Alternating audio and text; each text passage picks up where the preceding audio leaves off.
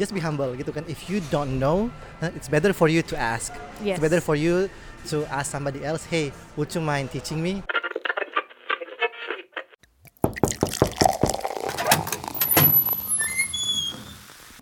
Tahun ini adalah tahun ke masuk memasuki tahun keempat gua akan berada di dunia kerja. Dan hal yang paling menarik yang gue temukan setelah bertahun-tahun di dunia kerja ini adalah betapa banyaknya orang yang saat ini bekerja di bidang yang sangat tidak sesuai dengan latar belakang pendidikannya yang ditempuh selama mungkin empat tahun. Kebetulan gue salah satunya dan di sini gue juga mengundang eh, temen gue namanya? Uh, nama gua Rilly Richard panggil aja Rilly Oke, nah Karili ini eh, kebetulan adalah temen gereja gue dan Mhm. dia juga salah satu orang yang gue tahu eh, S1-nya dan S2-nya kemudian kerjanya di bidang yang mungkin berbeda-beda dan menurut Mhm. gue ini hal yang sangat menarik karena eh, melihat seberapa seringnya hal ini terjadi menurut gue eh, cukup topik yang cukup menarik ya. Mungkin Kareli bisa ceritain dikit tentang latar belakang pendidikannya, eh, kemudian eh, S2-nya juga apa dan sekarang bekerja di bidang apa. Oke, thank you banget. Um, kalau S1 kemarin gua ambilnya itu keperawatan atau nursing ya. Mm-mm. Kemudian after graduation itu malah kerjanya di marketing tapi dalam institusi pendidikan gitu. Hmm. Aha, kemudian lanjut S2 itu bidangnya public policy and management. Jadi kayak pemerintahan ya, itu Iya. manajemen untuk um, apa, apa tuh namanya organisasi pemerintahan gitu. Nah terus habis itu pulang um, kerjanya sempat di sales juga. Kalau sekarang sih kerjaan yang sekarang ini di global partnership kurang lebih sih agak inline dengan yang S2. Cuma memang sih yang S1-nya yang sangat jauh banget Nah, sih. sebelum kita masuk lebih dalam lagi, gue pengen tanya nih sebenarnya. Jadi S1-nya itu kan adalah Haha. keperawatan nursing. gue pengen tahu asal usulnya atau dulu itu kenapa bisa memilih nursing? Apakah emang eh, merasa itu adalah ya, jurusan yang sangat sesuai, profesi yang emang ingin digeluti atau gimana tuh? Um, to be honest sih waktu itu lebih ke arah mikirnya jadi kan uh, dengar-dengar di western countries itu lagi tinggi demandnya Hmm. untuk uh, healthcare workers gitu kan jadi kayak yang lebih memotivasi itu lebih ke arah ah gue pingin itu nih go international gitu Hmm. kan pingin kayak kerja di luar gitu dengan cepat dan juga tentunya melihat yang tadi gue bilang yang uh, demandnya lumayan supaya um, gue bisa benar-benar uh, pindah ke sana gitu kan ya bisa untuk kerja dan tentunya ya make money Hmm. Terus Gitu kemudian kenapa tidak melan jadi kalau nursing itu kan Hmm. mungkin eh, buat teman-teman yang mendengar biasanya harus mengambil kayak semacam profesinya Hmm. gitu setelah Mhm. kuliahnya. Nah, kenapa tidak melanjutkan pada akhirnya memilih untuk tidak melanjutkan mengambil profesi nursing? Oh iya iya jadi dari kayaknya semester 4 gitu ya mulai sadar kalau di kelas gue ngerti konsepnya gue bisa buat papernya gue bisa buat presentasi gitu kan overall it was okay gitu kan cuman pas clinical exposure Hmm. pas ke rumah sakit itu kok kayaknya gugupan gitu. Jadi pas mau ke pasien sih ngobrolnya lancar lanjut. Tapi pas mau nyuntik kok kayaknya tangannya gemetar-gemetar gitu. Kayaknya nah di situ mulai mikir hmm kayaknya apa gue banting setir aja kali ya? Gitu. Akhirnya pas semester 5 itu gue part time kerja Hmm. part time di marketingnya di company yang sekarang juga sih gitu nah dari situ udah mulai suka gitu kan sama kayak kerja yang kayak marketing yang lebih kayak sama orang gitu-gitu Hmm. kan dan yang enggak ada kayak risk yang kayak tusuk-tusuk atau gimana nah karena ada opportunity itu akhirnya memutuskan pas lulus uh, well mikirnya bahwa harus lulus lah walaupun memang udah tahu nggak akan Iya. Uh, bergelut di profesi itu tapi ya karena juga udah spend time gitu kan uang gitu jadi Diselesaikan. diselesaikan lah. dulu aja uh, dan kemudian akhirnya mikir oke lah kalau gitu kayaknya gua uh, banding setir finally gitu kan untuk uh, kerja waktu itu di marketing department Nah, waktu pertama kali Hmm. eh, ini berarti sebelum S2 ya. Jadi setelah eh, kuliah nursing kemudian kerja di marketing. Ah. Yang gue penasaran adalah eh, bagaimana bisa mengadaptasi diri dengan pekerjaan baru di bidang yang baru yang bahkan biasanya orang itu kuliah bertahun-tahun untuk Hmm. bekerja di bidang marketing. benar benar benar Ah. Nah, transferable skills apa sih yang ada dari ketika mungkin kuliah di eh, nursing kemudian bekerja di marketing gitu? Oh, I see. Um, kalau menurut gua sih yang paling penting itu uh, I mean sorry, yang transferable ya tadi ya. Mm-mm. Ah, ah, lebih ke arah kayak communication skills ya. Kalau di nursing kan kita diajarin kayak harus sabar sama pasien Yeah. gitu kan ya. Kurang lebih sih hal itu yang kita bisa apply ketika sama customers kalau Hmm. kita dalam bidang sales and marketing gitu. Uh, kemudian um, kalau di kayak kesehatan lah intinya kan kita kayak harus belajar penyakitnya segala macam karena kan takutnya kalau kita pasien nanya nih ini kan Hmm. obatnya buat apa ya Iya. kenapa saya diginiin ya nah itu kurang lebih kita bisa kayak lihat itu dalam product knowledge pas di marketing gitu kan ya. kita harus master nih kenapa sih eh, produk kita ini tuh lebih baik dibandingkan Iya, produk yang lain? Eh, sorry dibandingkan misalnya distributor yang lain atau agent yang lain Dan gitu bahkan sebenarnya di nursing pun ketika uh, harus tahu obat-obatnya itu Mhm. kayak setengah-setengah marketing untuk mengconvince orangnya mau konsumsi obat itu atau enggak. Kayak Ah, product ah, ah. knowledge-nya harus ada juga ya. iya iya. Ha, benar-benar Gue tertarik lagi Mhm. mungkin ini agak mundur lagi nggak sedikit apa-apa. yang tadi bahas tentang uh, bahwa demand di luar sana itu sangat tinggi dan itu Ha. hal yang gue juga sempat baca artikel Mhm. uh, apalagi saat ini. Jadi artikel itu sebenarnya berbicara tentang AI.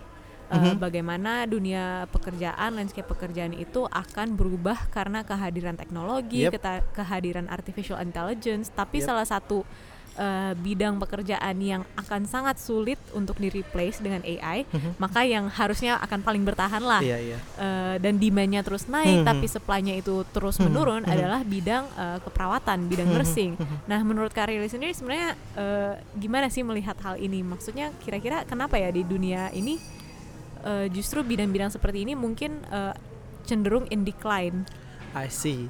Um, kalau uh, my first comment would be kenapa yang ini bisa kayak uh, demandnya makin tinggi ya? Hmm. Karena kalau kayak dibandingkan dengan profesi lainnya, misalnya kayak akuntan atau let's say kayak programmer atau apa Hmm. itu kan memang um, mungkin soft skillnya ya itu mungkin higher gitu ya. Karena kayak dia duduk aja terus dia analyze gitu-gitu kan. Nah, kalau nursing itu kan ataupun uh, health uh, professions yang lain juga itu lebih ke arah harus imbang antara hard skill dan soft skillnya Hmm. gitu kan. Kayak dia misalnya mau um, nyuntik atau mau gimana gitu kan. Ya itu sampai sekarang ini mungkin belum ada kayak teknologi yang bisa fully replace Yes, gitu kan ya. Ha, betul. itu sih yang pertama. Kemudian kalau dari segi mungkin di luar negeri kali ya um, di sana itu untuk buka sekolahnya itu tuh nggak mudah. Jadi banyak juga yang pingin gitu kan untuk kayak apply jadi doctors, jadi nurses ataupun uh, pharmacist kayak di Amerika Mm. gitu kan. Cuman di sana itu profesinya itu mengrestrict jadi kayak melimit jumlah students yang bisa masuk Hmm. gitu. Nah, itu salah satu hal itu yang buat demandnya akan terus naik naik naik, Iya. naik ya. Ah, gua bahkan gitu. yang gue baca Hah? eh, adalah dokter itu justru akan jauh lebih cepat di replace oleh AI Hmm. eh, oleh robot dibandingkan dengan nurse karena I nurse see. itu yang lebih eh, harus apa ya human interaksinya Hmm, harus hmm, tinggi hmm. yang Benar, emang bener-bener harus apa ya, ya emang pekerjaan yang harus manusia gitu Iya iya lakukan. benar benar benar. Nah lanjut lagi nih kemudian boleh. setelah kerja di marketing nih Hmm. kenapa eh, kepikiran untuk tiba-tiba terjun ke public policy? Oh iya iya. Sebenarnya sih kalau minat ya in Mm-mm. terms of like uh, political science ataupun Hmm. public policy itself, memang dari dulu tuh kayak suka baca uh, Washington Post gitu kan, Hmm. LA Times, uh, apalagi uh, New York Times gitu kan. Jadi kayak emang interested banget untuk kayak hal-hal yang ada hubungannya dengan Hmm. politik. Tapi itu sekedar kayak suka baca aja gitu karena kebetulan waktu apply S2 kan gua waktu itu kebetulan scholarship ya. Hmm. Uh, thank God sih. Nah, Perlu tahu nih, Kak Rili Hah? nih S2-nya public policy di salah satu public policy terbaik di dunia lagi. iya, puji Tuhannya iya. Uh, kampus gua itu namanya University of Southern California. USC untuk uh, USC untuk School of Public Policy-nya itu tuh uh, yang tahun 2017 atau ya 2018 itu nomor 2 se US. Sekarang ini nomor 3 itu sama-sama tied ya. Uh, sama-sama nomor 3 dengan Kennedy School of Government Harvard. Wes. Ya gitulah. Nah itu kenapa tuh bisa kepikiran untuk ambil public, Public policy? policy. Berarti ada interest emang di Mhm. bidang politik Kalau sebelumnya. kalau interestnya iya, bahkan dari kecil kayak suka denger berita gitu Hmm. kan. Uh, suka kayak ya baca-baca koran gitu kan, terus lihat kayak perkembangan politik dunia gitu-gitu. Nah waktu dapat beasiswa itu um, kayak diberikan pilihan gitu kan ya, mau lebih ke arah mana nih, kayak ambil yang MBA gitu kan, yang berbau Hmm. business oriented, atau yang lebih ke government side. Nah at that time my consideration was kalau yang typical like MBA things, I think like I could do it here in Indonesia, kayak ambil Hmm. MM aja lagi Hmm. atau misalnya apa kayak yang berbau manajemen gitu di sini kan. Sedangkan setelah gue lihat kayak kurikulumnya itu tuh untuk public policy Amerika tuh kayak beda banget sama yang diajarin di sini Hmm. gitu. Jadi karena ada pilihan ini dan I had to choose at that time, gue mikirnya kayaknya gue ambil aja public, public policy aja gitu kan Mm-mm. untuk kuliahnya. Uh, karena gue memang uh, passion gitu kan dari kemarin untuk kayak belajar kayak things related to political science dan juga uh, public administration. Kalau misalnya memang someday gitu, gue pingin kayak mendalami bisnis, uh, I think I could do it here in terms of like Hmm. ambil belajarnya gitu. I see, I Mhm. see. Dan kemudian eh, itu S2-nya berapa tahun berarti? S2-nya itu 4 semester sih reguler. Regular. Uh, uh, dua tahun sebenarnya sih dapat diselesaikan dalam waktu setahun setengah gitu Hmm. kan ya cuman that time I wanted to spend more, More time in the US Selagi I- bisa kenapa enggak yes ya? I wanted to enjoy Los Angeles more so ya Dilama-lamain dikit. dilama-lamain dikit deh Dan terus itu ada sangkut pautnya nggak dengan eh, maksudnya apakah ada hal-hal yang eh, ketika belajar di bangku S1 kemudian Hmm. kerja di marketing itu hal-hal apa yang dibawa ketika belajar public policy justru? oh sure sure Uh, kalau untuk dari S1-nya mungkin karena health ya Mm-mm. um, kayaknya ada istilah every policy is a health policy Yes. Jadi uh, let's say kita lagi mau uh, waktu itu misalnya lagi belajar transportation policy ya. Kita juga kan harus memikirkan kayak pollution, Public health. Ah, ah, public health-nya gimana. Itu lumayan sih. Kemudian kayak um, hubungan dengan kayak epidemiologi gitu kan ya Hmm. ilmu lingkungan. Let's say waktu di public policy kita misalnya kayak mau memperbaiki suatu kota gitu Mm-mm. kan ya. Kan kita juga harus pikir kayak pertimbangan uh, health issues-nya gimana itu terus misalnya kayak um, penggadaan vaksin gitu kan walaupun kita lihat dari sudut pandang kayak um, apa ya procurement ya gitu kan atau dari sudut pandang uh, kebutuhan dari negaranya tapi kan kita juga lihat dari healthnya gitu kalau dari yang dari marketingnya I would say um, lebih ke arah persuasive skillsnya Hmm. jadi kan di public policy itu kita disuruh kayak buat memo gitu kan. Kayak misalnya kita support atau kita nggak support satu policy dari uh, ada yang propose gitu kan ya. Let's say gue buat policy nih buat misalnya um, suatu let's say kita membangun uh, kayak um, jembatan gitu Hmm. kan ya. Nah itu kan gue harus justify itu kenapa sih kota ini atau kenapa sih di daerah ini butuh nih jembatan ini, butuh dibuat jalan ini Hmm. gitu kan ya. Nah itu kan gue harus persuade di depan um, entah kayak itu yang di uh, apa tuh city officialsnya Hmm. kalau masih dalam kota kecil atau kalau dalam scale yang lebih lagi kayak di depan kongresmen ya atau uh, apa tuh uh, representatifnya. Nah di situlah gue ya dokumen yang mungkin setebal 100 halaman gue harus summarize dalam uh, kayak satu lembar kertas Mm-mm. untuk gue present di depan petinggi-petinggi itu. Dan nah, menjual gitu ya. dan itu mereka. menjual bahwa ini nih kita harus buat uh, jembatan ini karena ini ini ini ini gitu kan ya mengsummarize semua itu tuh dengan tentunya um, persuasive skills gitu. Nah, saya rasa sih kayak gua rasa sih kayaknya itu yang penting gitu, yang lumayan kepake lah Hmm. skill yang dari marketing to public policy. gue uh, lumayan penasaran sih Hmm. public policy itu kan mungkin uh, suatu bidang yang cukup general ya Ya, bahkan orang uh, biasanya yang masuk situ itu dari berbagai macam Benar, benar, benar. uh, background Ha, ha. nah kebetulan waktu kak Rili kuliah di sana itu Hmm. rata-rata tuh backgroundnya apa teman-teman sekelasnya Nah, gini nih, karena memang itu tadi yang gua bilang ya, um, sistemnya memang beda ya. Mm-mm. Jadi di Amerika itu tuh kalau medical school ya kayak kedokteran itu kan sistemnya pre-med dulu Yes. ya kan ya jadi empat tahun dulu kayak kuliah biology Baru atau ambil- chemistry baru ambil kedokteran. Begitupun yang lawyer gitu kan ya. School of Law itu juga nggak ada tuh sarjana hukum di S- Amerika nggak ada S1-nya SH. ada. Nah sebenarnya School of Public Policy juga gitu. Kayak di NYU itu dia kayak um, graduate School of Public Policy. Begitupun kalau nggak salah yang di Harvard gitu kan. Nah, sama yang di USC juga. Jadi sebenarnya itu uh, Public Policy School itu memang dia menerima mahasiswa dari S1 yang beragam. Hmm. Karena dia pingin itu di kelas itu tuh orang-orangnya itu tuh bisa discuss. Karena kan kebijakan, berarti kan Yes. menyangkut semuanya, Ah, menyangkut semua hal gitu. Nah, kalau di kelas gua ya teman-teman gua itu rata-rata sih ya um, ada ekonomis ya orang dari uh, ekonom gitu yang international development ya untuk bidangnya. Ada juga orang dari uh, political science ya. Aha, ada juga orang filsafat ada juga dokter Dokter. ada juga public uh, health specialist ada juga apa lagi ya temen gue ya businessman juga ada Hmm. sangat campur Jadi sih sangat, sangat beragam sekali ya. sangat beragam ha-ha. karena memang sistemnya gitu kayak dia pinginnya itu memang dari different beragam majors iya ha-ha. dan itu make sense banget sih kayak Ha. yang Karili bilang Hmm. tadi karena emang kita bicara soal kebijakan itu kan sebenarnya politics itu hanya means of Hmm, hmm. apa ya conducting iya uh, iya hal-hal ha. yang perlu Hmm, hmm. dilakukan misalnya dengan background health itu bisa lebih Iya. tahu lebih paham soal public health right right dan ketika right. membuat kebijakan udah punya latar belakang itu iya benar sekali Eh, sebenarnya kalau kita balik lagi ke Indonesia nih. Tadi kan bicara soal public policy kurikulum di Indonesia itu sangat berbeda kan ya ha, pas ha. dilihat Mhm. apa sih perbedaan yang paling signifikan waktu dibandingkan yang paling signifikan tuh kalau gua lihat itu tuh di uh, sama yang di US ya compare yang di sini itu yang pertama di Amerika itu tuh kita belajar bahwa sesuatu itu harus evidence based Hmm. jadi harus berdasarkan bukti nih Mm-mm. lu mau buat policy ini tuh terus justifikasi lu apa Mm-mm.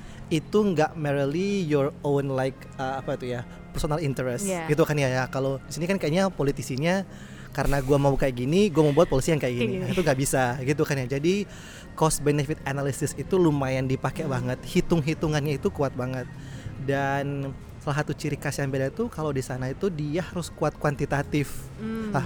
Sama yang gue lihat itu tuh kalau untuk di uh, konten kurikulumnya tentang itu uh, program evaluation. Jadi dia kuat itu untuk let's say you've done a program, then what? Mm-mm. How do you measure itu dia punya sukses atau enggak? Enggak. Gitu karena itu adalah dua konten yang gue lihat yang kuantitatifnya nah, yang menekankan kepada evidence base-nya sama pada evaluasinya. Itu yang gue lihat kayaknya kurang begitu di emphasize di Indonesia. Indonesia. Hmm, hmm. Nah, eh, mungkin tadi udah cerita banyak tentang Mhm. latar belakangnya Kak Rifki dan Mhm. gue sekarang lumayan tertarik nih karena eh, kebetulan sempat berpikir untuk mengambil public policy Oke, juga dulu. oke, good, Tapi sebenarnya gue bukan mau bahas public policy, tapi lebih tentang eh, gimana di Indonesia itu yang gue perhatiin ya. Mhm, mhm. Mungkin eh, Kak Rili punya pendapat yang berbeda. Hmm, hmm, hmm. Kalau gue lihat kita justru di Indonesia itu em, ada kecenderungan untuk menuntut orang menjadi semakin spesialis Haha. dan orang-orang kayak kita ini yang latar belakang pendidikannya berbeda banget dengan Mhm. dunia pekerjaan kita kan eh, itu ya bisa kita asum sebagai generalis banget gitu. Hmm, hmm.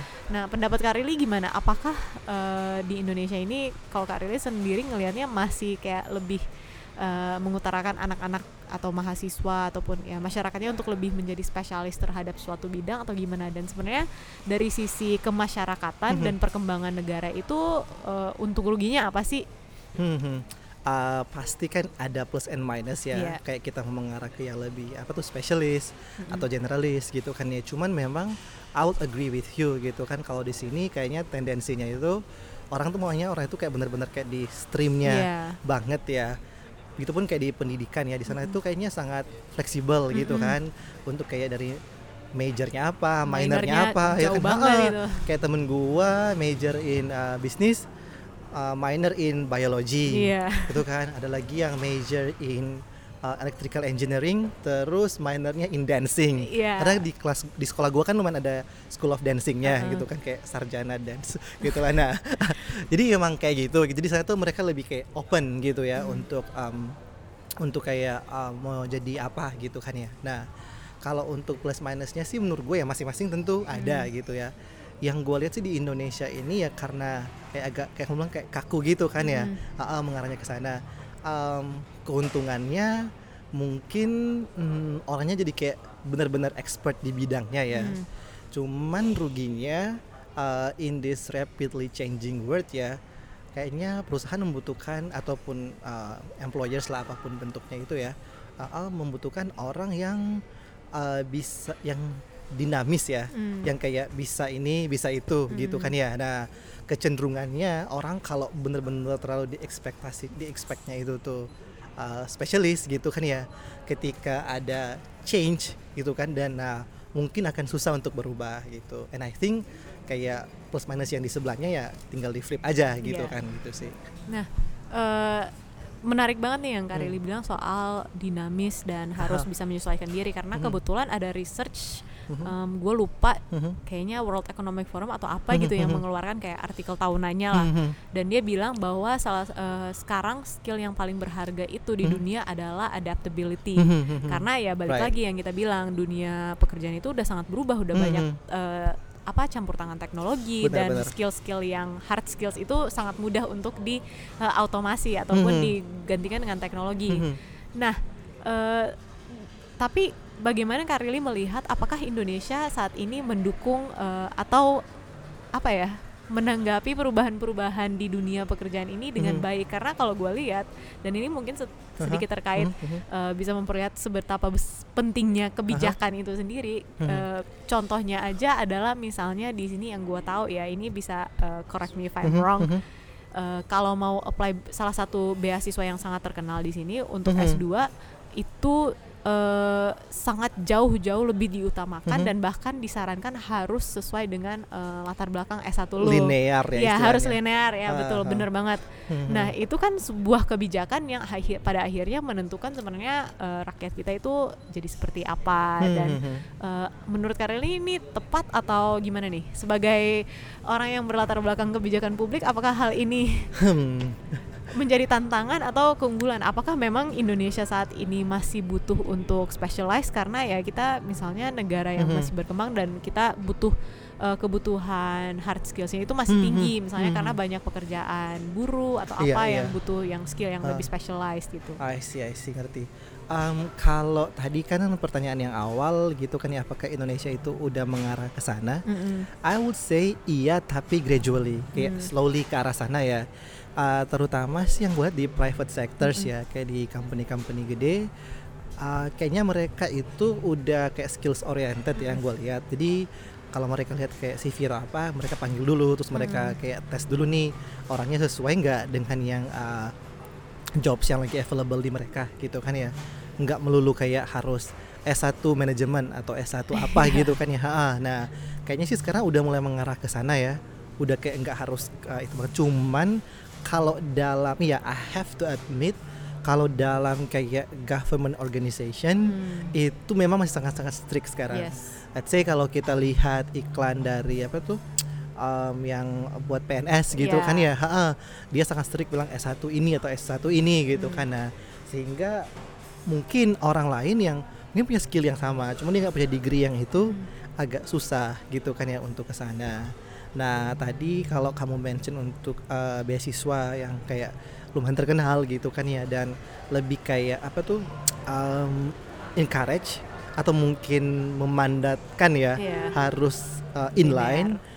Uh, ya tentunya mereka kan memiliki pertimbangan sendiri ya. Mhm. Cuman kayak if I could give my own comment, uh, I think kayak selama seseorang itu bisa menjustify gitu kan ya, kenapa dia mau pindah gitu, uh, kenapa tidak gitu loh Hmm. diberikan Kesempatan. kesempatan gitu sih, nggak melulu kan kayak dia harus kayak di jurusannya. Hmm. Dan kalau tadi kayak mm, poin yang terakhir yang Catherine bilang ya, apakah kita harus uh, kayak lebih spesialis atau lebih ke generalis?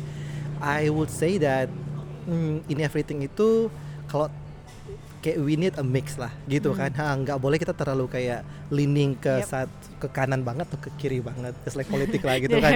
Nggak boleh kayak terlalu ra- itu kan ke right wing banget kan atau ke left wing banget gitu kan jadi ekstremis deh gitu orangnya. Nah, Tapi kayaknya postingannya akhir-akhir ini bapak Bapak itu ya. berkulit oranye terus ya. ya begitulah nah ah, jadi kalau menurut gue sih mungkin untuk beberapa uh, kayak professions ya let's say mungkin uh, dokter gitu Hmm. kan ya memang mungkin kita mungkin let's say kita masih agak shortage nih untuk yang pakar dalam bidang X misalnya Mm-mm. gitu kan nah mungkin itu- nggak apa-apa yang yang digali tapi kalau kayak generally ya kalau dalam bidang kayak bisnis gitu kan I don't think we have to really restrict gitu sih Hmm.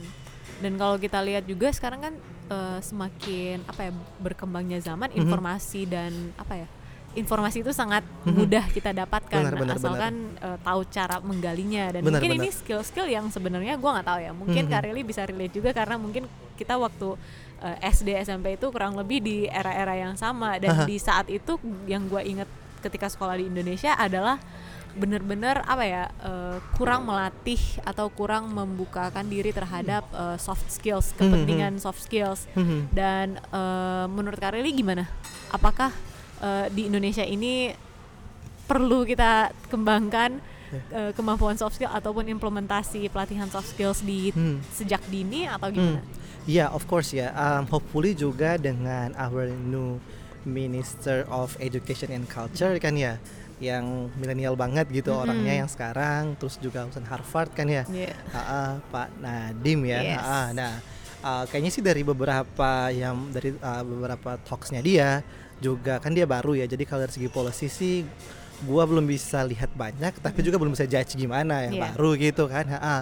kayaknya udah mengarah ke sana gitu kan ya jadi mengembangkan soft skill gitu karena emang bener in the end users ya akan lihatnya soft skillnya kita Mm-mm. gitu kan yang benar-benar akan apa ya, distinguish yourself gitu Iya. kan Ha, ah. kayaknya hal hard skill kan kayak it's very easy gitu untuk Untuk dilatih, dilatih gitu ya. iya gitu sih Nah, eh, kalau melihat kebijakan-kebijakan di Indonesia akhir-akhir ini gimana? Hmm, terutama dalam Hmm. eh, apa akhir-akhir ini kan dan apalagi Jokowi waktu masa kampanyenya itu nomor hal yang menjadi prioritas bagi dia adalah sumber daya manusia Hmm, dan menurut gue ketika kita berbicara at least in a public forum ketika Aha. kita berbicara tentang sumber daya manusia itu pasti tidak jauh lepas daripada pendidikan dan dunia pekerjaan right right right nah kalau Karili melihatnya sekarang Indonesia gimana nih Hmm. Ah iya ya, thank you. Ah, kalau yang tadi kan Catherine bilangnya Jokowi lebih menekankan ke sumber daya manusia ya. Mhm. Iya. Karena kan dia apa ya, keep he keeps mentioning Mhm. apa tuh revolusi mental Iya. gitu kan, revolusi mental. Um, iya, kalau gue melihat sendiri dia udah memberikan contoh ya dari cara dia pick the you know ministers in the Hmm. cabinet gitu kan. Jadi kayak dia ada mix of people gitu kan ya dari setiap generasi Hmm. uh, dan juga apa ya dia melihat lah gitu kan bahwa kita di Indonesia ini tuh butuh orang-orang muda gitu kan yang uh, bisa memberikan sumbangsi pemikiran gitu kan di kabinet gitu kan tadi saya mention gitu kan. Nah um, kalau dibilang kita mau kayak ke arah sana sekarang ya hmm kalau dari segi polisinya yang kalau untuk education gitu kayaknya sekarang um, kayak yang tadi juga sih gradually ke arah sana Hmm. karena kemarin gua ngobrol sama dosen di sini katanya uh, yang kayak yang tadi Catherine bilang yang harus linear sekarang tuh katanya udah nggak harus Hmm. sebenarnya jadi itu polisinya dari uh, Nadim ya Mm-mm. Ah, ah, ah, jadi untuk dosen itu let's say nih dia insinyur Oh, pertanian karena kalau dosen harus linear kan dulu kan sekarang. gitu kan Ha-ha. nah sekarang katanya dirubah lagi udah nggak Oh, harus Oke. yang penting tuh harus kayak let's say dia itu S2-nya manajemen. Mm-mm. Nah, dia ngajarnya yang yang di terakhirnya. Oh, yang Ah, paling ah, terakhir. Gitu Make sih. Jadi make sense sih. ah, udah lumayan mengarah ke sana lah Hmm. gitu sih. Hmm. Oke. Jadi sekarang rencana ke depannya gimana nih setelah udah ambil sempet kuliah S1 nursing, Aha. kemudian kerja marketing, kemudian S2 public policy, dan sekarang ya di global partnership gitu. Aha. Nanti ujung-ujungnya kira-kira kalau Karili bisa membayangkan masa depan saat ini gimana? Masa depan ya. Oke. Masa depan diri sendiri gitu. Kira-kira Iya, iya. akan semua ini akan apa ya? Ah, membawa ke end up jalur ke mana yang- ya? end up ke mana? Oke, ha. Kalau sekarang sih uh, gua lumayan enjoy nih untuk kerjaan di global partnership kan. Mm-mm. Uh, kayak gimana kita you know buat partnerships dengan uh, karena gua kan di kampus ya sama kampus-kampus luar gitu kan ya. Intinya kan gimana supaya dua kampus ini tuh uh, get the benefits gitu from each other gitu kan. Baik yang um, berupa kayak cultural gitu kan ataupun hal yang lain. Um, untuk ke depannya sih gua pingin untuk mendalami uh, lebih ke arah ini ya uh, international development gitu ya, agak mirip juga Mirip kan dengan public ah, policy public ya. policy.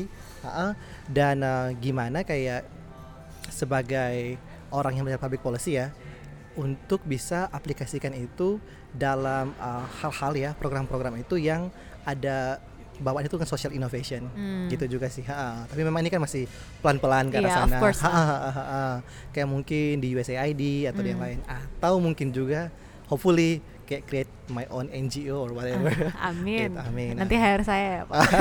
siap dia apa konsul konsultannya Terus Gitu kira-kira ada kebayang nggak Hmm. bagaimana akan em, menggunakan latar belakang nursing ini ke depannya mungkin ke health policy atau apa gitu. Iya, bisa ke health policy atau misalnya kan gini, kalau kita kerja di NGO gitu kan ataupun um, di badan internasional gitu, pasti kan ada kayak semacam kayak uh, apa ya itu ya health um, assistance gitu Mm-mm. kan yang kita lakukan. Nah, hopefully sih it will really help gitu sih. Oke, karena kita udah mau setengah udah setengah jam bahkan. udah setengah jam ya. Iya, nggak berasa ya. Berasa, tadi kayak mikirnya mau lama Bang, banget lama setengah banget. jam. Pas ngobrol Iya. jadi nggak berasa. Ah, Nah, gue pengen tahu hmm. apa ya pesan terakhir dari Areli. Kita dari tadi banyak bicara soal pendidikan dan sumber daya manusia dan juga eh, dunia pekerjaan nih. Kalau bisa dirangkum dalam satu kalimat penutup lah, let's say apa yang harus dilakukan Indonesia saat ini untuk bisa bersaing dengan eh, secara global gitu, Hmm. at least dari sisi sumber daya manusia. Dari Untuk menutup podcast kita hari ini. thank you, thank you. Um, kalau menurut gua ya, apa yang Indonesia harus lakukan itu adalah, um, you know, train our um, human resources ya, our people to be more adaptable gitu uh, in this rapidly changing world, and also um, to be more teachable. Hmm. Karena yang gue perhatiin um, banyak di antara kita itu yang kayaknya dalam tanda kutip ya agak sok bisa gitu Hmm. kan. Nah, kita nggak ada apa ya humility to be teachable gitu kan Hmm. untuk kayak ngajarin dong gimana kayak just be humble gitu kan. If you don't know, uh, it's better for you to ask. Yes. It's better for you to ask somebody else, hey, would you mind teaching me? Itu sih menurut gua. Itu yang gua lihat ya. dan itu mungkin sebenarnya jauh lebih penting dibandingkan skill adaptability itu menurut gue ya Iya, Karena iya. ke- kemampuan lu atau bukan kemampuan sih mungkin keinginan lu untuk terus belajar terus apa mengembangkan diri Iya. Iya apa li- uh, long life learner ya. Iya, long Iya. life learner amin Gitu, gitu, semoga amin. semuanya jadi long life learner Amin. oke thank you kak Rili Sama-sama. Thank you.